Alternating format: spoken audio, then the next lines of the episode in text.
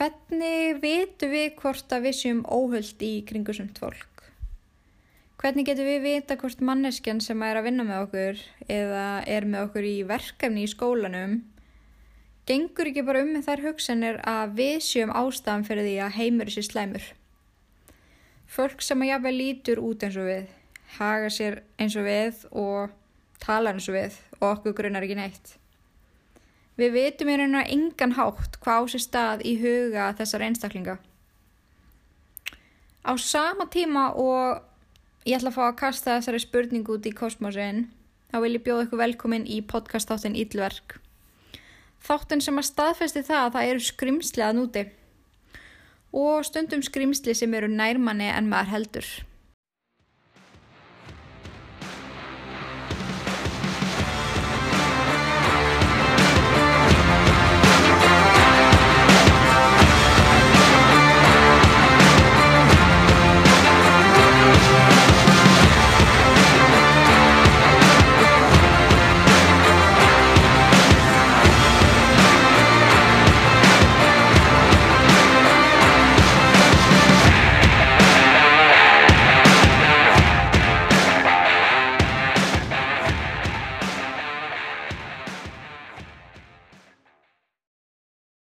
Good afternoon. I'm Jasmine Brooks. We are interrupting this special report as former FBI Director James Comey testifies before the Senate Intelligence Committee to bring you an update on today's multiple shooting deaths in Eaton Township, a normally quiet community in Wyoming County rocked by violence today. The bodies of four people are found inside the Wise Market on Route 92 in Eaton Township this morning. Now investigators are trying to figure out what went so tragically wrong. Eaton Township, Wyoming County, Pennsylvania. Ok, nú eru þið fann að þekka mér nokkuð vel. Þið vitið að ég er alveg með mökkaða málhaldu og þegar ég þarf að bera fram ykkur svona bæi þá kemur það mjög skringil út en við þurfum bara, við reynum okkar besta hérna. En sagt, e, það búa um 28.000 manns í Wyoming e, í Pennsylvania sem er í bandaríkjunum en það búa um 1500 manns í sérst, þessum litla bæ sem við erum að tala um núna sem er Eaton Township. Uh, þegar þessum bæ er líst er hann, hann talin alveg ótrúlega fallegur. Hann er gróður af vaksinn og það eru lækir einhvern veginn sem fljóta í gegnum allan bæin og þú heyrir svona fallegan og róandi nið í læknum allan sólarhingin og þeir sem að búa aðna þeir elska að búa aðna og eru flestir búin að alast upp þar og búa allæfi en til að setja þetta kannski aðeins betra samengi þá getum við ímynda okkur það mm, að nánast hver einasti úlingar á Íslandi eru með um 2000 eða yfir fylgjendur á Instagram. Svo við getum svona leift okkur að segja að þessi bæri var alveg freka lítill og er freka lítill. Uh, já eins og ég sagðan þá hafði fólki sem að bjóðar oftar en ekki alist upp og búið allir sinna æfi og svo er þetta mjög vinsælt hérna fyrir fólk sem er lítil börn og fluttu þangað því að húsnæðin voru ódýrari, ódýrari og, og líka bara að allir kannast við alla. Þetta var bara svona lítil smábega stemming eins og mörg okkar þekkja. Og það má segja að það er farið svona óta og sjokk bylgja yfir bæjabúa þegar þessi hræðilega skotárás átti sér stað. Því að það hafði í rauninni ekkert þessu líkt og bara ekki líkingu við þetta gerst. Bara nokkuð tíman í þessum bæ. Það, húst, það var gert mál úr því það var stóli tiggjói úr verslun. En þetta var bara engum dætt í hug að þetta geti mögulega gerst og hvað þá þegar það er farið út í að hver gerði þetta Fólk var algjörlega traumatized. I couldn't believe it because nothing like that ever happens around here, not ever. It's very quiet in Tunkhannock. And this, this place is safe up here. We're in the middle of the country. You know, it's it's a nice, it's a wonderful town. People were calling me on my way to work, and you know, they're asking me what's going on, and I I had no clue. I go there every Sunday morning to buy my groceries. Yeah. And we run over there for lunch all the time to pick things up. We're there all the time. Þarna heyrðu við í nokkrum bæjabúum sem voru allir í eldri kanturum sem hefðu búið að nógsla lengi og þetta var bara rétt eftir skotar og svona þannig að þeir geti rétt ímyndaðu hvað þetta var beyond eitthvað sem að hafði nokkuð tíma gerst í þessum bæ en það er alveg skólið aðna og vinnustaðir en flest allir keira út úr bænum til þess að fara og sækja vinnu og, eða fara í háskóla eða eitthvað svo leiðis. Þannig að þú veist, yfir daginn er ótrúlega lítil trafík í bænum. Og fólk er bara að njóta dagsins, þú veist, eldri borgar eru bara á röldinu og spjalla, þú veist, mér langar svo að þið fattir stemminguna sem ég er að tala um, þetta er bara ótrúlega chillað. Fólk er bara að sinna erendum og fyrir búðina að vesli matinn, áður en krakkandi koma heim eða badnabönnin. Og það var sérst ódýrast og best að mati flestra að versla mati sinn í veisbúðinni sem að skotári sem átti sér staði. En á nokkru mínútum þá var þessi búð staður, já fór þessi búð úr því að vera staður þessi fólk sameinaðist á, spjallaði, veslaði matinn og bara útrúlega kassjál í það að vera morðvettvangur þar sem fjórir einstaklingar lágu brútali látnir inn í búðinni.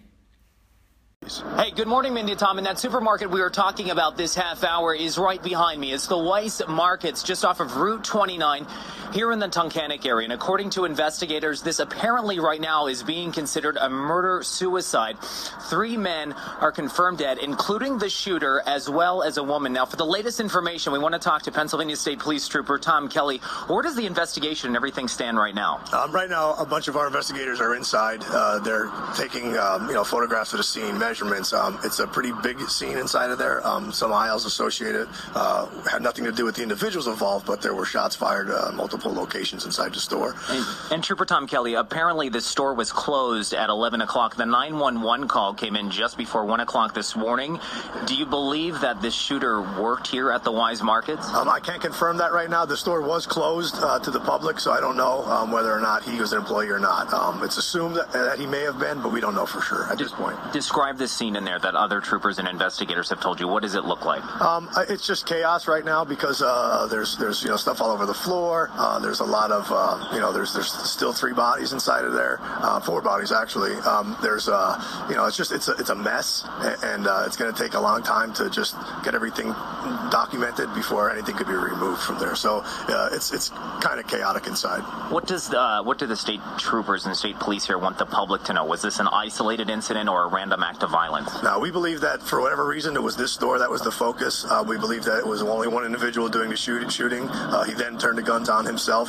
So he's inside now, deceased. Um, and the public in this area, uh, we do not believe that they are in any danger from this incident. And there are some reports we learned just minutes ago that this uh, shooter apparently put it out there somewhere, maybe on social media, saying this was going to happen. It wasn't a long time before this all went down. Can you confirm that and tell us about those reports that are out there that he said he was going to come and do all of this? Yeah, I, I don't have any official word on uh, Facebook or social media posts. Uh, I did hear something uh, about the individual, one of the individuals being named, uh, making posts on Facebook. So it's possible, but I, I can't confirm it officially. So at this point, it's believed maybe that the gunman did work at the at Weiss Markets. You're still looking into all of that.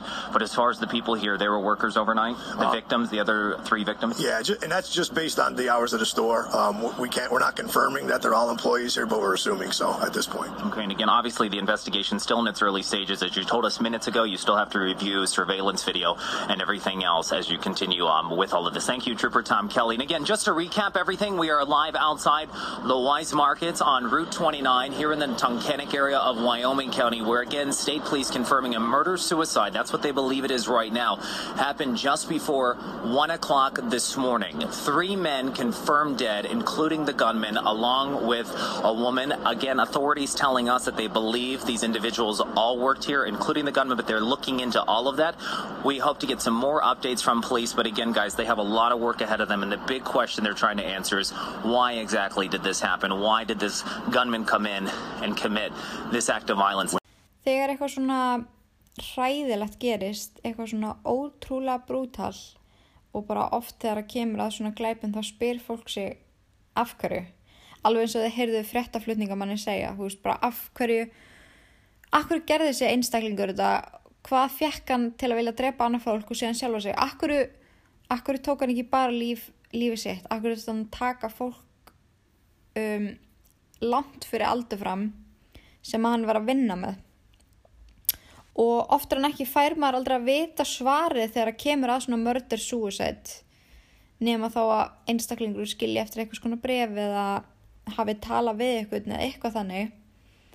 En það sem að sker þetta mál út frá hinnum og er svo ótrúlega magnað er að þú þarfst ekki að geta í neina reyður, þú þarfst ekki að gíska eða spyrja af hverju því að alla pælingar og hugsanir og bara öll þessi plön sem að þessi aðlega var búin að leggja á sig fyrir þetta voru öll á internetinu.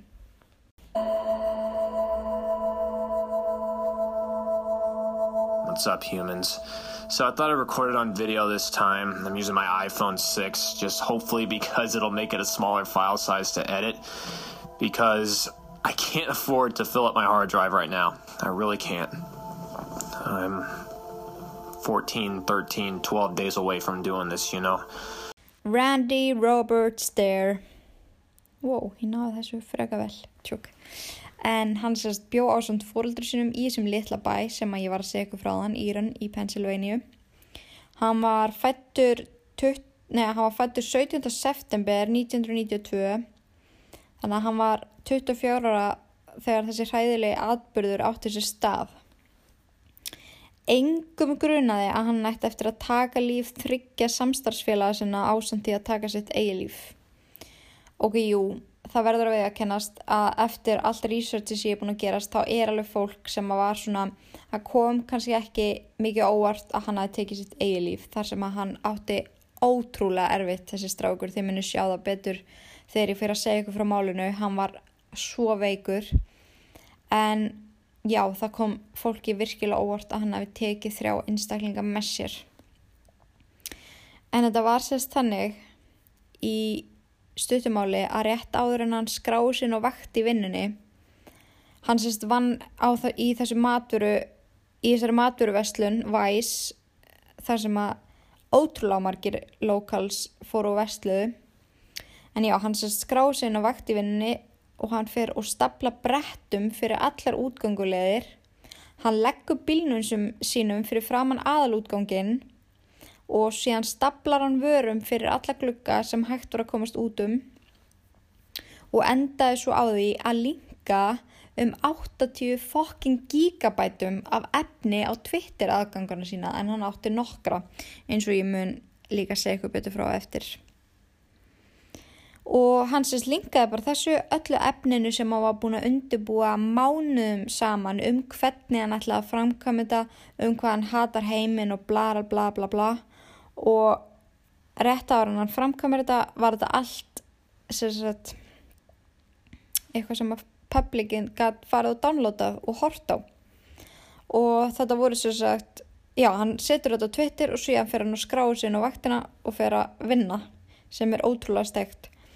En þetta voru sem sagt þrjármöppur sem að hann skýrði hérna digital set síðan hétt önnur Journal og þriðja hétt Suicide Tapes. Þannig já, Digital Set eru alls konar videoklippur á honum en hann er búin að vera að gera vídeo bara síðan hann var lítill og er alveg frekar, var frekar hæfileikaríkur. Önnur, eða þú veist, mappa nummið 2 síðan Journal er bara hann að tala um það hvernig hann ætlar að deyja og taka fólk með sér og Suicide Tapes er svona nokkuð svipað og bara plönin hans öll. Þannig að þetta var available fyrir fólk rétt áður en hann gerði þetta. I've been uploading pictures and stuff now but you know it's it's a fucking it's a lot. It's so much stuff. Like right now there's got to be like fucking 80 gigs on there. Somewhat close to that anyway. And depending when anyone sees this I download that while you can because I have to pay to have the extra space. Like I have a terabyte of space to upload whatever the hell I want. And I think that lasts for like a year or two and then once that's up then I got to pay to re- to like renew it, you know. So by then chances are it would get terminated, you know, and I'd lose everything. So download while you can or find someone that has downloaded everything. So yeah. Speaking to the fans of the future here. So. Þið tóku kannski eftir því að Randi segir þarna í endan I'm speaking to the future fans en máli er að hann átti ógesla mikið af aðdándum og hann var þekktur undir öðru nafni, það kallaði hann engin Randi lengur. En nafni hans á YouTube og öðrum samfélagsmiðlum var Andrew Blaze og hann átti ótrúlega vinsala YouTube rás, hann var alveg freka þekktur í svona animation heiminum. Og hann framleiti alveg mjög flott svona teiknimyndaefni. Og eins og ég sagði bara ótrúlega klár animerur og hann var alveg freka virtur í þessu samfélagi á þessum tíma. Uh, en hann sérst bjóð til teiknimynda þætti sem, sem héttu Ember Ghost Squad. Og þessi þáttu var sérst um hóp af draugastelpum sem voru saman í rockljómsveit og þær áttuði alla sammeilegt náttúrulega að vera draugar og verið rockljómsveit en það dói sérst allar á fyrir eitthvað brútal hátt. Og fólk fær að fylgjast með lífi þessara draugastelpna í teiknumyndaþáttunum og síðan hafði Andrew, Andrew líka búið til sérst Twitter aðganga fyrir hverja einustu personu sem hann og hann var alveg mjög aktífur. Og hann postar þar fyrir hönd þeirra náttúrulega bara undir þeirra nafni og, og síðan lætur, lætur hann þær hafa samskipti við hvort aðra. Hann lætur eitt gaur það eru átta karakterar og hann er inn á öllum aðgangunum að hafa samskipti við í rauninni sjálfa sig. Þannig að, þannig að þetta var eitthvað sem að fólki fannst óslega gaman að fylgjast með. Þetta var bara eins og að vera bara reysastor hópur af fólki að sjá um þessa aðganga og, og þess að þætti en hann var bara einn. Og það var einn ákveðin karakter í þessum teiknumyndum sem, sem var í mjög miklu uppáldi hjá hann um, en hann nefnir talaði fyrir hana sagt, í þáttunum en hann var sagt, röttin hjá henni en síðan fekk hann vini sína til að vera röttin hjá öðrum karakterunum í þáttunum en þetta voru held ég ég held að þetta að veri nýju, karakterir í þessum þáttum. En ég ætla að lefa ykkur að heyra klippu úr þættinum þar sem karakterin já, karakterin heiti líka Andrew sem að sem að hann talar fyrir og er í svona mjög miklu uppbjóldi hjá honum alveg sérstaklega.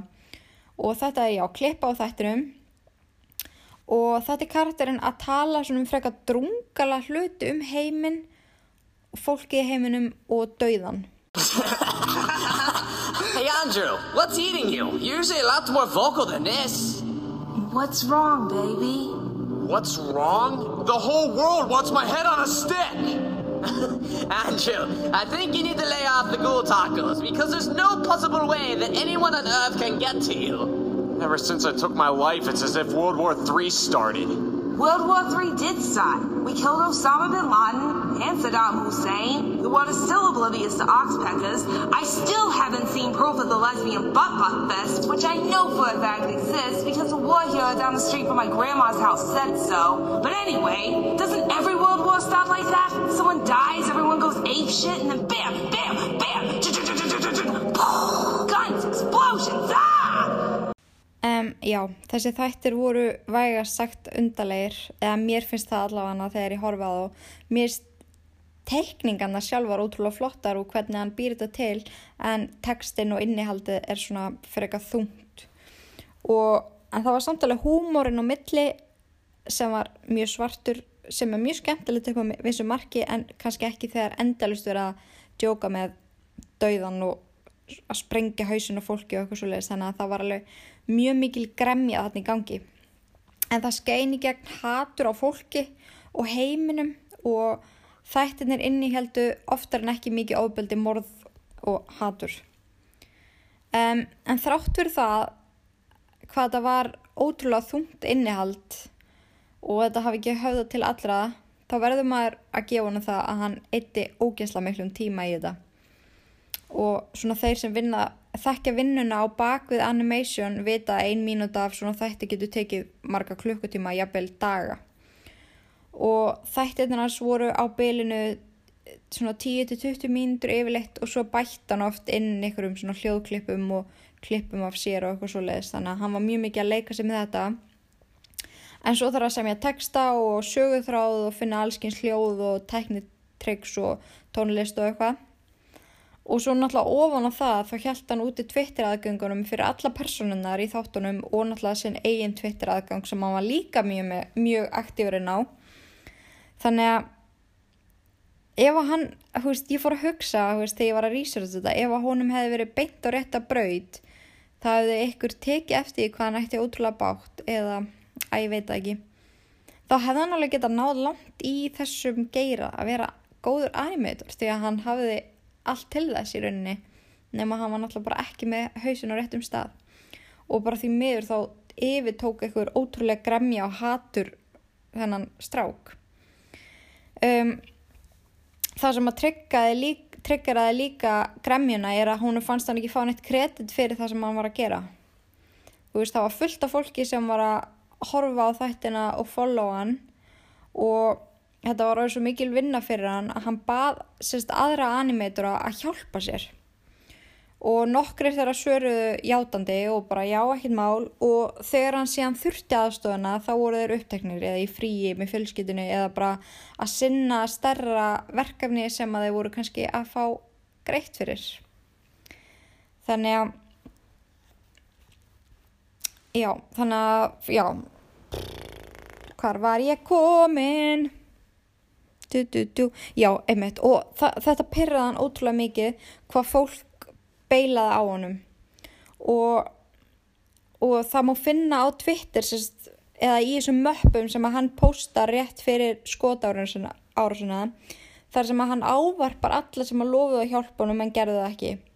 Fyrst kemur skrifaði texti sem á að beinast að þeir sem að honum fannst það að sveiki sig og í kjölfarið kemur vídeo að honum undirbúa sig fyrir skotárasuna hlaðabissunar vídeo úr maturverslunin sem hann vinnur í og síðan vídeo af konufötum sem hann elskar að klæðast. Uh, en já, og eftir þetta kemur frekar hróttalegur þáttur af Ember Ghost Squad. En ég ætla að lesa fyrir ykkur part úr textanum sem á að beinast að fólkinu sem að lofa hjálpunum en gæt svo ekki gert á hún að hann taldi það hafa sveikið sig. To all of the people who screwed me over on this video and left me hanging, fuck you. To all of the animators who agreed to help and shoved me aside as if I didn't even matter, fuck you. To all of the worthless people involved with this video in general who made me feel like I didn't even matter, fuck you. Ég ætla ekki einu svona að fara lengra að því að þetta eru hvað ein, tvær, þrjár, fjórar paragraphs af bara honum að hrauna yfir fólk og bara nefna fullt aðlum og bara fuck you. Þannig að hann var ótrúlega betur það eina sem hann segi jákvæmt er að hann þakka fólki fyrir sem að sem að þú veist, horfi og kunna meta það sem hann gerði. Það voru samt miklu fleiri en hann held en hann greinlega einblindi bara á það. Neikvæða þannig að hann, já, bara fjóra paragraphs af fuck you, basically. Um, og hann bara kvartar yfir að hafa ekki fengið neina hjálp segir að allir mig bara deyja og skrifa svo í endan you can all kiss my white deceased ass jöp en þetta er svo ótrúlega fucked up því að vídeo sem hann setur á YouTube er í heilsinni 42 myndur og þetta er eitthvað sem tók hann ógslag langan tíma að gera. Það er ekki eins og hann hafi verið að rissu upp, þú veist, suicide note eða eitthvað þannig. Heldur, þú veist, ó, þetta er svo ógeðslega fakt af ég er traumatæst eftir að vera að researcha þetta. En þú veist, spá maður sísu. Hann býr til vídeo sem er 42 myndur, þið verðið að horfa á þetta vídeo Þetta er hann að undirbúa sig fyrir það að mæta þannig í vinnuna, búin að plana hvað hann ætlar að gera, þú veist þetta er videónum hlaða byssuna sinna, þetta útrúlega langa bref til allra, þannig að fuck you brefið og síðan kemur í endan hérna uh, Amber Ghost Squad, hérna uh, þáttur, þar sem að það er svona já, ég segi eitthvað betur frá því á eftir en það er svona school shooting þáttur. Þannig að þetta er mjög, mjög fucked up. Og spáði því hvað var lengi að undirbúið þetta og enginn vissi af því. Hann var í marga mánuð að undirbúið þetta. En e, svo talar hann líka um það veist hversu mikið hann hatar pappa sinn hann hatar pappa sinn út af lífinu. Maður færlega bara kaldan hroll að hlusta á hann tala um pappa sinn.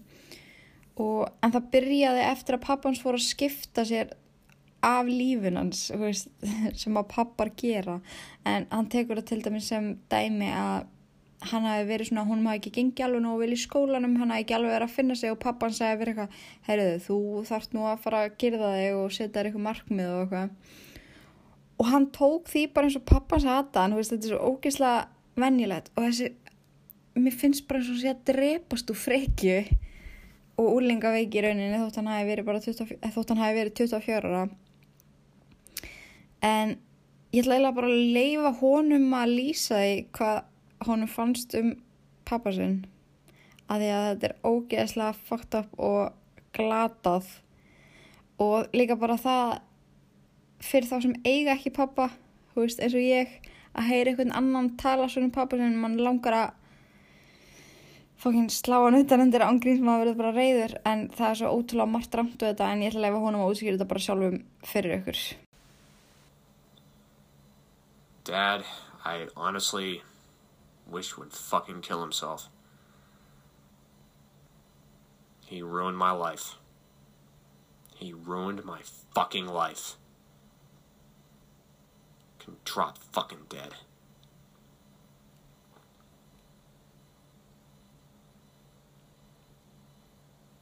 When all that high school bullshit started, it was inevitable. It was I didn't want to deal with him ever again. Once I started having lousy grades and all that, and applying for jobs, and it just, I fucking hated him. Didn't even want to look at him.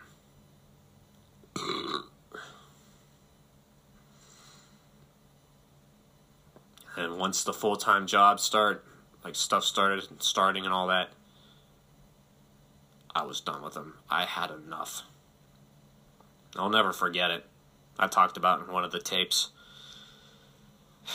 It was before I had the hospital job. I guess it was like July of 2014. He wanted to go out to dinner with me, which I thought was nice. You know, it got me out of the house anyways, so I'm like, okay. But I fucking hated driving with dad. I always hated going places with him because I could never talk to him about anything because I never connected with them once high school started. Jeremy did. I connected with mom. But I could never talk to him about anything. I didn't connect with them at all. With nothing. Besides football. That was it. So every time we would go out, it's like I didn't I didn't know what to fucking talk about. You had to have the radio on. I couldn't talk about anything. He'd try to make small talk, but I'm like, this is bullshit. It's just I'm your fucking kid and you don't know anything about me. You don't know how I truly feel about anything, and I can't tell you that stuff. And then all he fucking seemed to care about was like me getting a full time job and making money and then trying to move out of the fucking house and start my own life and all this shit, which I knew I never I was never gonna do. And we went out to dinner the one night at it was Overbrook. And we just went into the job talk. I tried my damnedest to avoid going into that you know, it just started up. You know, like, have you been applying anywhere? I'm like, well, yeah, but I haven't really heard anything. It's like, well, you better fucking have something by the end of the year. You better fucking have something by, like, by fucking October. And this is in the fucking restaurant, at the bar. There's people on both sides of us hearing everything we're saying. And he's fucking, like, almost yelling it in my fucking face. Fuck off. Kiss my fucking ass. I didn't even want to finish my fucking dinner after that. I didn't. You can eat a fucking cock.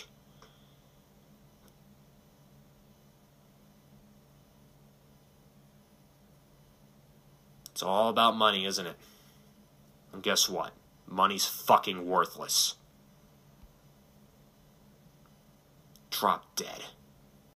Nei, sko, ég verð svo perruð að hlusta á hana gaur því að mér finnst eins og þetta sé bara svona fordegraður krakka ummingi. Ég ger mér fulla grein fyrir því að hann átti ótrúlega erfitt og, og það var mjög margt í hans huga sem að hún varst ó, hérna ósangjant og hann var mjög þunglindur en bara hvernig hann talar um pappa sinn og af hverju hann talar svona líka, þú veist, ástæðan fyrir að hann hataði pappa sinn er að því að pappans vildi hann myndi fá sér vinnu, flytja út og bara byrja að lifa eða hú veist svona hú veist fullornast aðeins. Og að því að þú veist þessi stráku bókstala hjekkin í herbyggi allan daginn í tölfunni og það var erfitt að fá hann út og fá hann til að vinna. Þannig ég skil alveg, ég skil alveg þegar fóröldrar íta eftir krakkurusinu þau eru kannski orðin 24 að fara að vinna og eitthvað þannig að þetta fer svo í töðnar og ég ætla að segja sem minnst um þetta því að en en svo svo ég snúi mér aftur af þessum loka þætti sem hann gerir til þess að loka þessum kabla í lífi sínu og þegar hann er dáinn og fólk horfir á þetta allt eftir á þá snýst sérst þátturinn um skotarás í skóla eins og ég sagði ykkur á hann Þar eru nefndunir að skriða undir borð og Amber Ghost Squad gengur um og skýtur alla í andlitið. Og hann tilengar vídjónum, eða þessu öllu, þessar allri samantækt af dóti sem hann var búin að gera og svo þessum loka þætti. Þá tilengar hann það aðdándum, Amber Ghost Squad og Erik Harris og Dylan Bennett Klebold. Og þeir sem eru true crime fans vita nákvæmlega hverjir þessi tveir strákar eru sem ég sagði endan en þetta eru bandarískir fjöldamorðingar sem eru betur þekkti sem The Columbine High, Columbine High School Shooters en þetta voru 17 og 18 ára strákar sem að skutu 13 manns og serðu 24 þann 20. april 1999 þetta var sérst skólinn sem að þeir gengu í og þeir gengu bara inn og skutu fullt af fólki ásandi að taka síðan sín eigin líf. Uh, en ef eitthvað finnst þetta skrítið, allt sem ég er búin að segja núna upp á þessu, þá er þetta rauninu bara rétt að byrja. Um, en karakterarnir sem að Andrew teiknar, þið getið bæðu að googla þetta allt og þegar þið byrjaði að googla þá er þetta mjög, mjög, mjög djúb hóla því að hann alltaf bjóð til svo ótrúlega mikið efni því að þetta átti að vera í rauninu svolítið svona heimildamind bara marga mánuði áður en að hann tók sitt eigi líf og tók svo líf hérna samstarfsfélaga svona þannig að já þetta átti að koma þannig út. Þannig að það er alveg ótrúlega mikið af einmitt klukkutíma vídjóum og honum vera útskýra alls konar. En já karakterinu sem að hann teiknaði hafa svona sérstakt svona teiknimynda lúk vantalega en mér persónulega fyrst að minna svolítið á að það bratt stúkunar ekki þessar fyrstu heldur þessar sem að kom í tísku núna bara fyrir ekki svo lengu, æð sem voru svona goth, fjólublár með svona stitches og eitthvað. Því þetta er kannski það var svo lengu eftir mína barnatíð að því að þú veist ég persónulega leik mig með bratt stúkur þegar ég var lítill en þetta goth dæmi ég mist alveg að því. Þá var ég orðin fullorinn en En það er ekkert að segja þú veist að hann hafi fundið þessar tekningar upp sjálfur en hann fjekk þessar tekningar lánar og hann viðkenni það líka alveg. En frá þessart höfundi sem átti þættina Danny Phantom og það eru ekki margir sem kannast við það og þegar ég heyrði þetta fyrst þá fattaði ég ekki alveg hvað þáttur þetta var en svo fór ég YouTube og skrifaði veist, bara og reynda að finna þýmlægið og þá fattaði ég strax hérna hvað þættir þetta voru en ég man að litli bróðum minn horfa á þessu þætti og náttúrulega eins og okkur Íslandingum er einum lægið þá er þetta búið að þýða lægið yfir á íslensku þannig að ég kannast ekki alveg við ennska textan en uh, ég fann ekki íslensku útgáðan á netinu bæðu en ég ætla að, að, ég ætla að spila smá klippa af, af hérna þýmlæginu og nenniði plýsa að segja mér hvort að þið kannistu þennan þátt. Ég fekk allavega massa nostalgíu því ég heyrði þetta en hann sem sagt hérna, já, ég segi eitthvað betur frá þessu eftir en þessi þáttur er í rauninni það sem að hafði mest áhrif á líf hans og einn ákveðin karakter í þessum þáttum sem sagt. He's a phantom. Young Danny Fenton, he was just 14 when his parents built a very strange machine. It was designed to view a world unseen. He's gonna catch 'em all 'cause he's Danny Phantom. When it didn't quite work, his folks, they just quit. But then Danny took a look inside of it. There was a great big flash, everything just changed. His molecules got all rearranged. When he first woke up, he realized he had snow white hair and glowing green eyes. He could walk through walls, disappear, and fly. He was much more unique than the other guy, and it was then that he knew what he had do. He had to stop all the ghosts that were coming through. He's here to fight for me and you. He's gonna catch 'em all 'cause he's Danny Phantom. Gonna catch 'em all 'cause he's Danny Phantom. Gonna catch 'em all 'cause he's Danny Phantom. Já, ég fekk mjög miklu nostalgíu að hlusta á þetta. En svo ég segi eitthvað svona í stuttumáli um hvað Danny Phantom þættirnir voru um, þá er þetta bara um óskup venjulegan úlingstrák sem fær alveg óvart eitthvað drauga krafta þegar hann laumast inn í tilraun og stofu fóreldra sinna og fyrir eitthvað að fykta af því að flestir fóreldrar eiga náttúrulega tilraunastofu. En hann verður að nokkuð skona ofiðhetju sem vendar heiminn gegn íllum, nei, gegn martröðum ásamt því að reyna að lifa gegn martröðum. Nei þá, ég er að meina uh, ok, klukkan er sérst fjögur um nótt ég vaknaði, nei, ég sopnaði óvart um kvöldmællaleitið og var að vakna um tvöleitið þannig ákvaða að klára þáttinn. Og já, ég er alveg smá ég áruglega ekki eftir að mun eftir að tekja þetta upp í fyrirmáli en hann sem sagt ver heiminn gegn draugum, ekki martröðum sem sagt slæmum draugum ásandi að reyna að lifa eðlulegu lífi sem úlingur og þar sjáu þið líka hvar Randy eða Andrew fær sérst þessa draugahugmynd en Danny Phantom var meira upplýfgandi náttúrulega og skemmtilegri og barn, þetta var náttúrulega barnaefni og svona skemmtilegri söguþráður. Uh, en í þáttunum þar er karakter sem heitir Amber McLean sem er svona óvinnsala stelpun í skólanum sem dreymir um að verða rockstjarnar en hún deyr sérst í bruna sem er mjög brútal fyrir barnaefni en ok og hún gengur aftur og verður ylli draugur. Af hverju er ég að segja ykkur frá þessum þetta í fyrsta lagi því að hann fekk hugmyndina að lána þarna af þú veist uh, Amber Ghost Squad og þessum karakter þarna McLean. Og vegna þess að þáttunum hann sem að hann býr til eru alltaf tveir karaktera saman. Einn heitir Amber McLean og hinn heitir Andrew Blaze og teiknumynda þættinni sem hann býr til heitir Amber Ghost Squad. Og það lítur allt út úr það að Andrew hafi liðið eins og þessi persóna væri til í alvöru.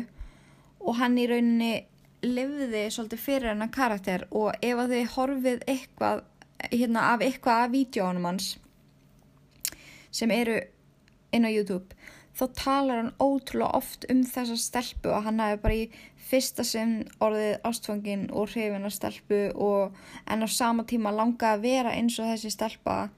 Því að ég veit ekki hvort ég var búin að koma inn að það en hann er sérst transgender og talar um það í svona setni vídjónu sínum að hann fór að ganga í fötum að mömmu sinni og uppleiði sér sem stelpu.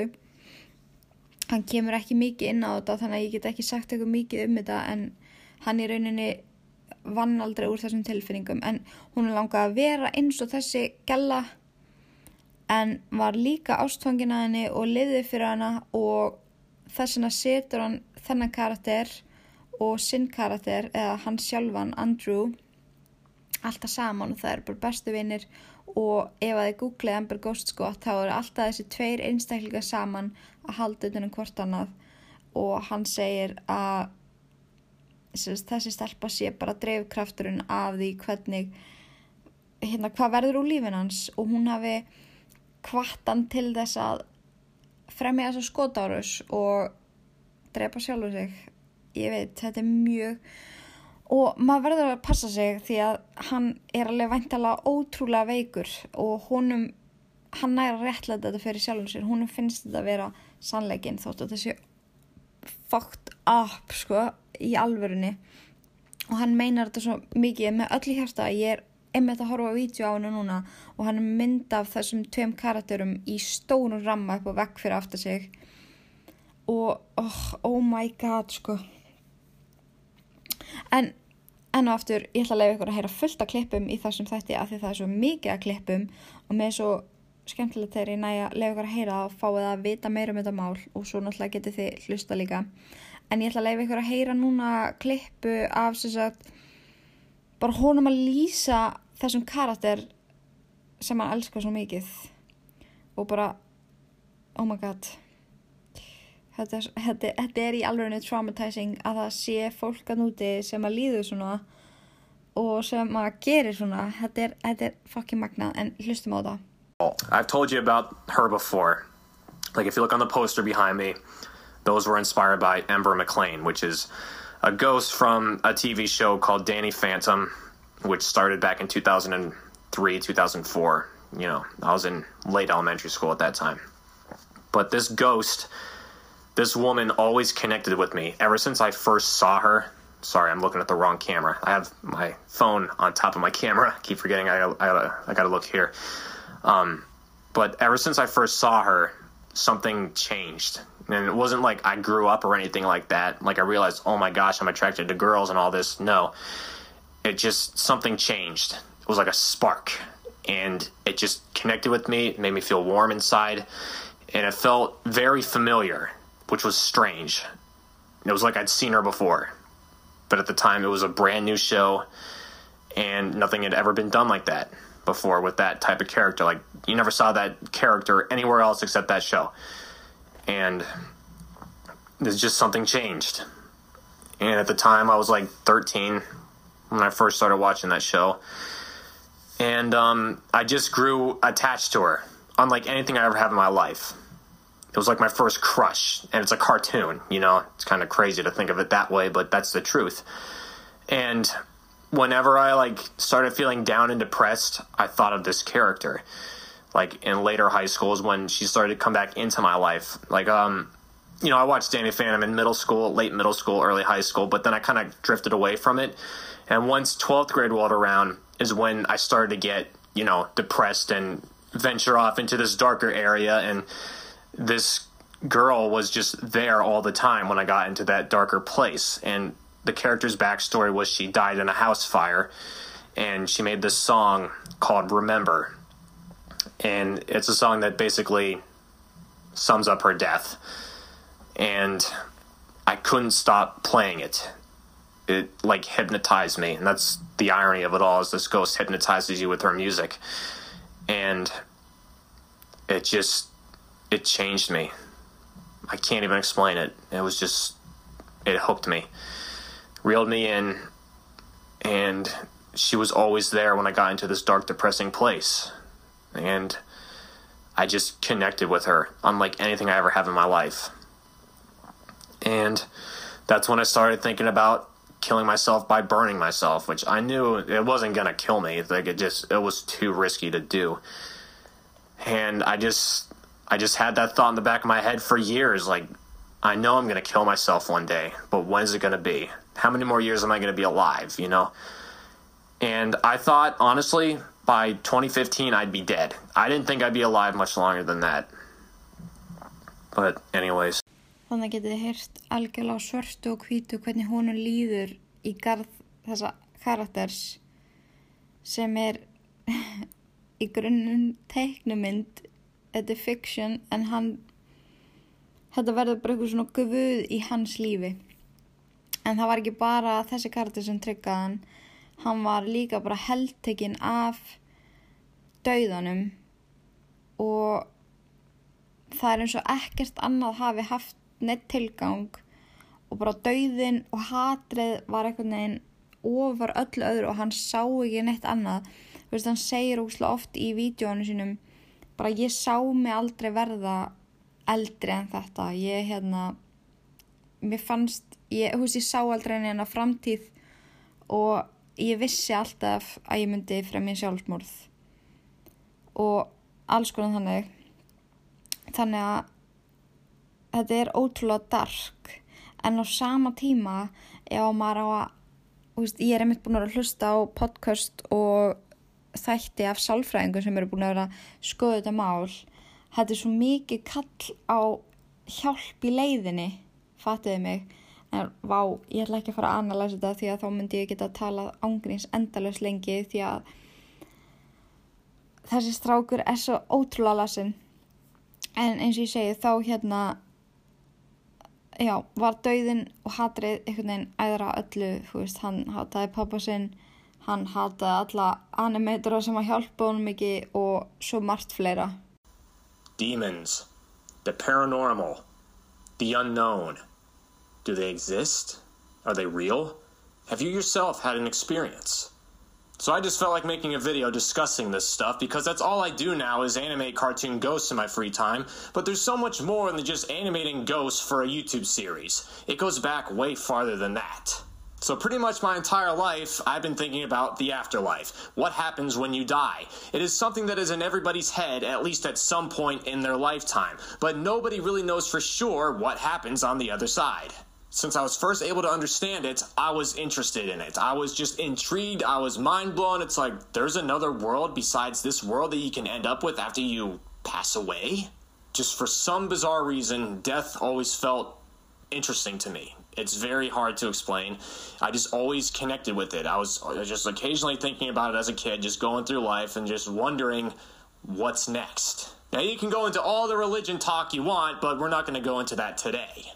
But for as long as I can remember, I was always thinking about this stuff. And one thing that just terrified me, and it stuck with me to this day, was I was about five years old and I was just being loud, and it was late at night. My grandmother just said, Be quiet or you'll wake the dead. I was like, ever since that time when I was outside at night, I had to be quiet or I was to wake the dead and they were to come and kill me. Now, I eventually got over that, but one thing just kept leading to another, and as I got older, it just got more and more in depth. Now, pretty much every single person in their lifetime has dealt with someone passing away. And, you know, you have the viewing, you have the funeral, and then you have thoughts during the whole process of, like, where are they at now? Where is my grandfather at now? I hope he's with my grandmother who also passed away in the past, or maybe they're just gone forever and never coming back and I'll never ever see them again. There's a million random cluttered thoughts that just go through your head during this whole process and it's it seems like it's totally different when you're going through it than when you're just thinking about it on a regular day. Not many people like talking about this stuff. I personally find it fascinating, but that's just me. That's who I am. I love death. I love cemeteries. I love ghosts. I love demonic shit that you see on TV that people are up to debate about, like whether it's real or not. Just that stuff always interested me. Although it almost gave me nightmares as a kid, or just worrying about when I'm sleeping that there's going to be something like some kind of shadow figure hovering over my bed when I'm fucking sleeping, or just standing in the corner of my room just staring at me. I still find it fucking awesome. I just find it cool. That's all I can say. But it's not cool to everybody else. And it's like kind of uneasy for people to talk about because they don't like talking about religion or they don't like talking about the afterlife or dying in general or just like watching the news and seeing people die and all this shit. But I just find it fascinating. I didn't just wake up one day and say, I'm going to start animating cartoon ghosts for a YouTube series.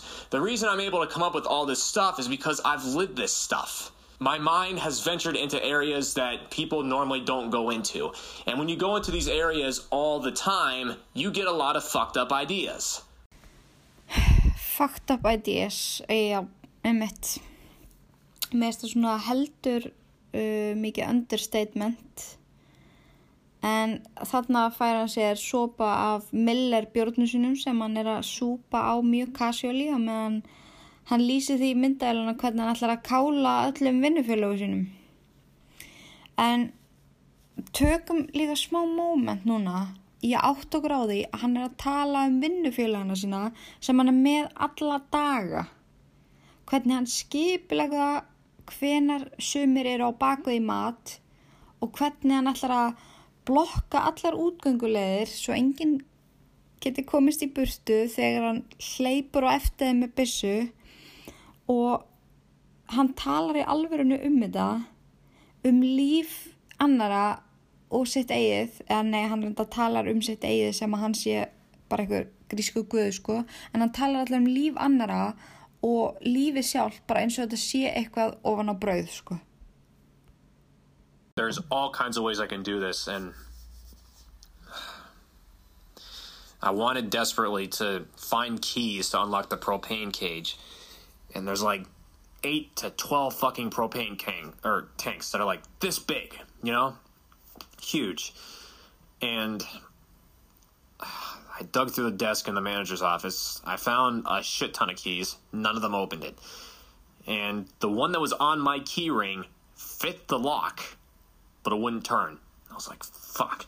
It was a bummer. It was a huge letdown. Like, I thought it would have been amazing if I can get in there and, you know, set up propane tanks and explode them all over the place and everything. And, you know, it would have been great, but it's not going to happen. So, the alternative to that is gather a bunch of the lighter fluid and mini propane canisters that unfortunately didn't really do anything when I shot at it. It was just a poof, like a big plume of smoke in the air. But yeah, gather all those together in a shopping cart with all the lighter fluids there. You can get like fucking like 40 lighter fluid bottles. That's going to be an explosion. so that's possible. That's probably what's going to have to end up happening because I'm not going to be able to get in that propane cage no matter how hard I try. So, um, one big change that's happened is I've been intending on doing it before break now. Mainly because that time slot is so goddamn tight. Between 1 and 145, it is virtually impossible to block all the exits and everything and then have nobody see it. You know, it's um Wednesday nights are the smallest orders we have, and last night was Wednesday, and it was a puny order. It was really small. There wasn't much of anything in terms of substantial size pallets and everything. So unfortunately, that might be what ends up happening on the seventh. But um, the thing is, aisle one is where Brian always is, and that's the vegetable aisle, the you know microwavable meals and all that. And generally, it takes like an hour or more to do. Usually, last night it probably took him like a half hour for all I know. I, I didn't pay attention, but there wasn't a lot for it. And the biggest problem with that is he would have to go into the back room and get rid of his cardboard and plastic for the next aisle. Well, if he goes into the back room, he's going to see all the pallets I have lined up. So you can't do, he can't risk that, you know.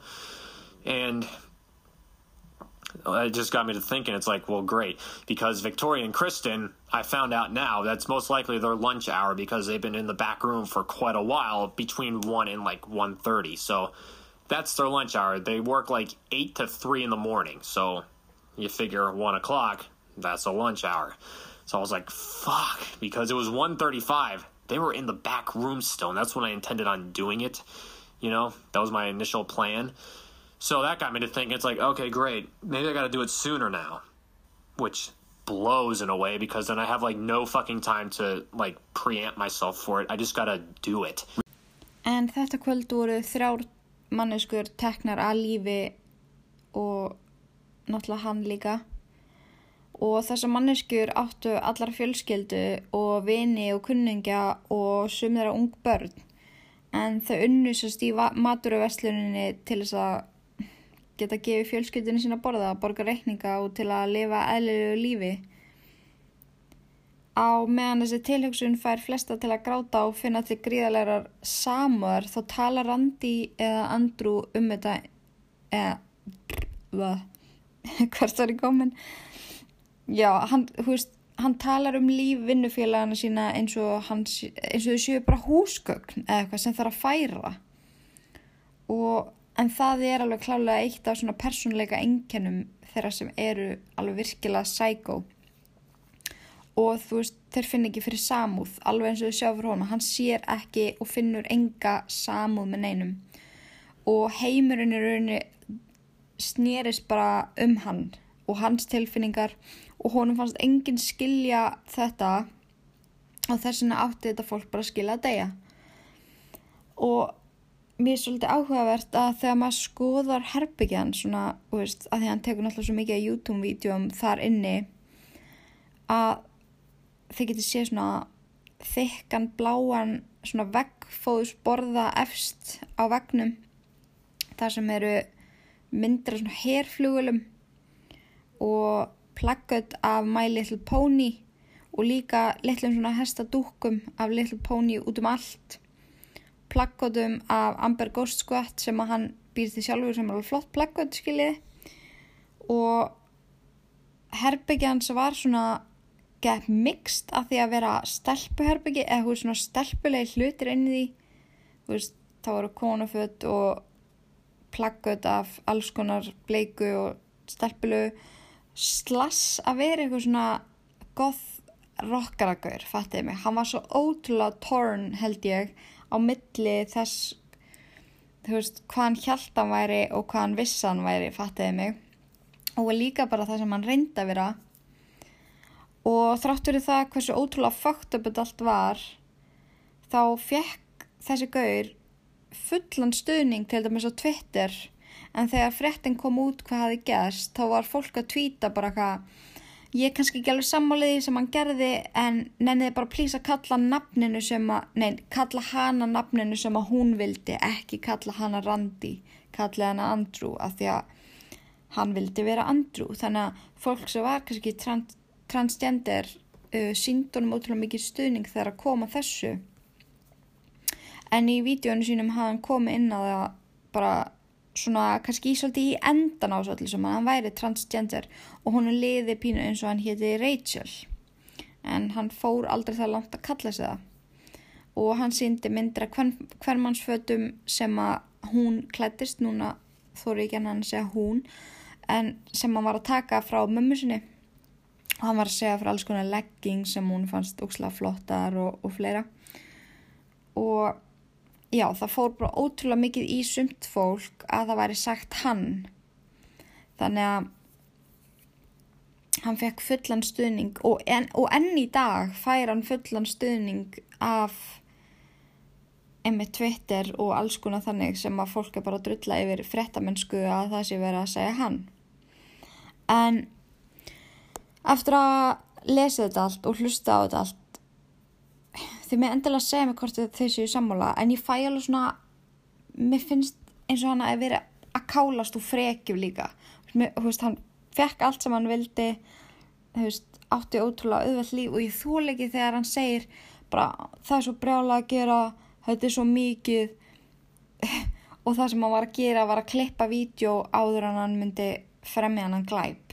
Og það var það sem hún fann svo ótrúlega mikið að gera en eins og segja, hann átti alveg gríðarlega erfitt andlega og hann hefði þurft svo mikla aðstóð og svo ég komin á það líka þá talar hann um það, hann um það í einu vídjóinu sínum að hann hefði, hú veist, hann bara já, ég hefði alveg getið að fengja aðstóð hitt sálfræðing, fara á lif en það er ekki ég. Bara, það væri bara ekki ég að fara á svona lif og, og hérna og fara og tala um vandamáli mín, þú veist, það er bara ég að fremja sjálfsborð fattuðu mig. Um,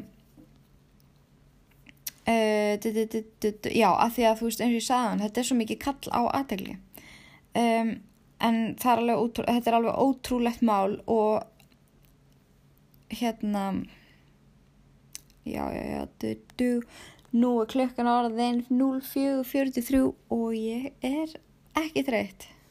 Ég er samt bara þreytt í augunum fattuðu mig. En veist, hvað er Andrew að sína fram á með að gera þetta allt? Er hann að sanna hversu miklu heimirinn er að missa af með hafan ekki í honum? Eða, veist, hvað er, veist, hvaða point er hann að reyna að prúa? Hann segir alveg nokkur í sinum bara, já, það væri þetta bútið mynd úr þessu, það er engi búin að gera myndum þetta. Mm, ég, veist, ég fattar bara ekki alveg hvað hann er að áorka. Veist, er hann að skjóta fólka því að það hjálpa alveg mikið að animeita eða er hann að skjóta pappa sann að því að pappa hans vildi að hann myndi sér vinnu veist, mér langar ógæsla að vita. Um, ég held að það sem hafi líka bakaðan eins og haturinn til pappa síns er að því að það er ekkert að finna mikið um pappa hans en það kemur alveg fram að pappa svo mjög svona manly menn fattiði mig veist, hann kraðist hluta á hannum og kannski skildi ekki þessa arti YouTube-vídeóhlið og honum fannst hann í rauninu bara að hann ætti að drattast úr tölfunni og fá sér alvöru vinnu og og hérna, og hann var kannski svona kannski að gamla skólan, þú veist, ég man alveg þegar ég fór að hanga óslega mikið í tölvun og pappi var bara eitthvað seriously, en þá er ég til dæmis að skrifa og í dag er ég bloggari og ég elska að gera alls konar hugmyndavinnu í tölvun og nota tölvun ótrúlega mikið. Pappi hans kannski sá ekki að að sonur hans hefði orðið, geta orðið gett svona góður animator. Þannig að Andrew fannst hann kannski ekki fá neitt skilning frá pappa sinum og enga stöðning um, og það er ekkert að því að hanga í tölvunni ef þú ert að gera eitthvað uppbyggilegt fattuðu mig, hvað ég á við? En já ok, þarna var ég greinlega orðin mjög pyrruð út í hann en ég skrifa hérna en þrátt verið það hvað hann hafi átt ótrúlega bátt þá finnst mér hann ógeðslega frekur tilætlun og sami krakka anskoti uh, ég afsaka orðbræði skrifa ég líka hérna innan svega en já í alvöru, hann tók þrjú líf til að prúfa point. Uh, unga konu, unga mann sem áttu bæði ung börn og svo eldri mann sem áttu uppkominn börn og fullt af barnabörnum og af hverju?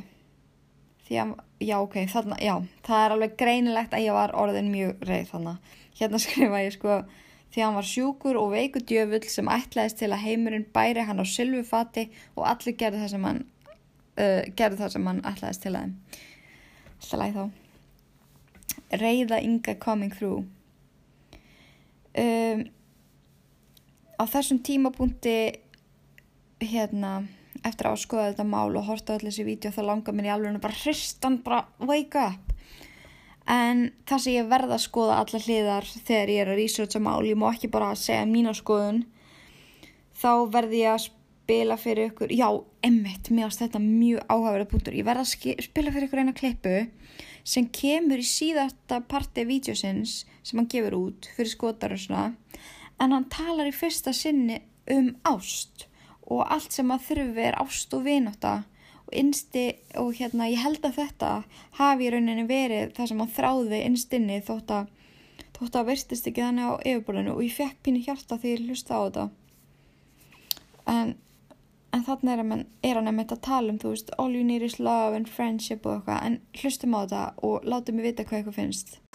You can have everything you've ever wanted and still feel empty inside You can have hundreds of friends and still feel lonely. You can have millions of dollars and still feel as worthless as the homeless on the street. It doesn't matter how many possessions you have or how much work you accomplished. What matters is what you've learned and how you've applied that to your surrounding communities. Some of us are naturally nice. Some of us are naturally beautiful. Some of us are naturally miserable and some of us are naturally depressing. No matter what our traits and appearances consist of, we all have one thing in common. We're all searching for love, and we're all searching for ourselves. And through both good and bad circumstances, we discover that. And that, humans, is the meaning of life. Já, kids, þetta var málið um, uh, nú veit ég ekki lengur hvað ég á kallan. Andrew Blaze sem var transgender stelpa sem átti mjög örfitt sem að framkvæmdi hræðilegan glæp tók líf þryggja einstaklinga. Og ég verða að viðkjöna að ég er mjög spennt að fá að heyra frá ykkur hvað ykkur finnst um þetta mál. Ég ætla að posta, ég posti þessu náttúrulega alltaf inn á Ílverk grúpuna á Facebook þar sem að þið geti alltaf fundið nýjustu þættina og og búið til spjallþræði ef að þið viljið spjalla um málun sem að ég er að taka. En þetta var endurinn á tíunda þætti ílverk. Tökum móment og spáum í því að ílverk er búin að vera til í tíu vikur. Og þetta eru búið að vera með skemmtilegri tíu vikum æfuminnar, það er bara svo les. Mér finnst ótrúlega gaman að vera einna hérna með ykkur alltaf einu sinu viku. Mér finnst geggjað hverju margir lojal hlustendur margir sem senda mér hugmyndir og alls konar points sem að ég tek alltaf til minn ég er einmitt að fara að fara yfir núna allar hugmyndir sem að þeir eru búin að senda mér núna í síðustu viku. Það er alveg all nokkrar og ég mun alveg klárlega taka málinn sem að þið sendi mér ef að þau eru undir þeim staðli sem að ég vil hafa. Fattiði mig? En ég vil bara nýta það tækifærið þakka ykkur kærlega fyrir að hlusta. Hveti ykkur náttúrulega til að uh, subscribe, reyta, review á podcast appinu ef að þið hlusti þar deila illverk með vinum ykkar því að þessi skrif hjálpa mér alveg ótrúlega mikið í að ná lengra með þáttinn. Einmitt fara og hérna verða meðlemur í illverkgrúpunni á Facebook og síðan getið fyllt mér á Instagram ef að þið viljið fylgjast með mér dagstaglega en það er bara at Inga Kristjáns. En takk ótrúlega mikið fyrir að hlusta. Ég hlakka sjúklega til að vera með ykkur aftur í næstu viku og í Guðanabænum fórðist öll ílverk. Nefna að sjálfsögðu þetta podcast. Verið sæl.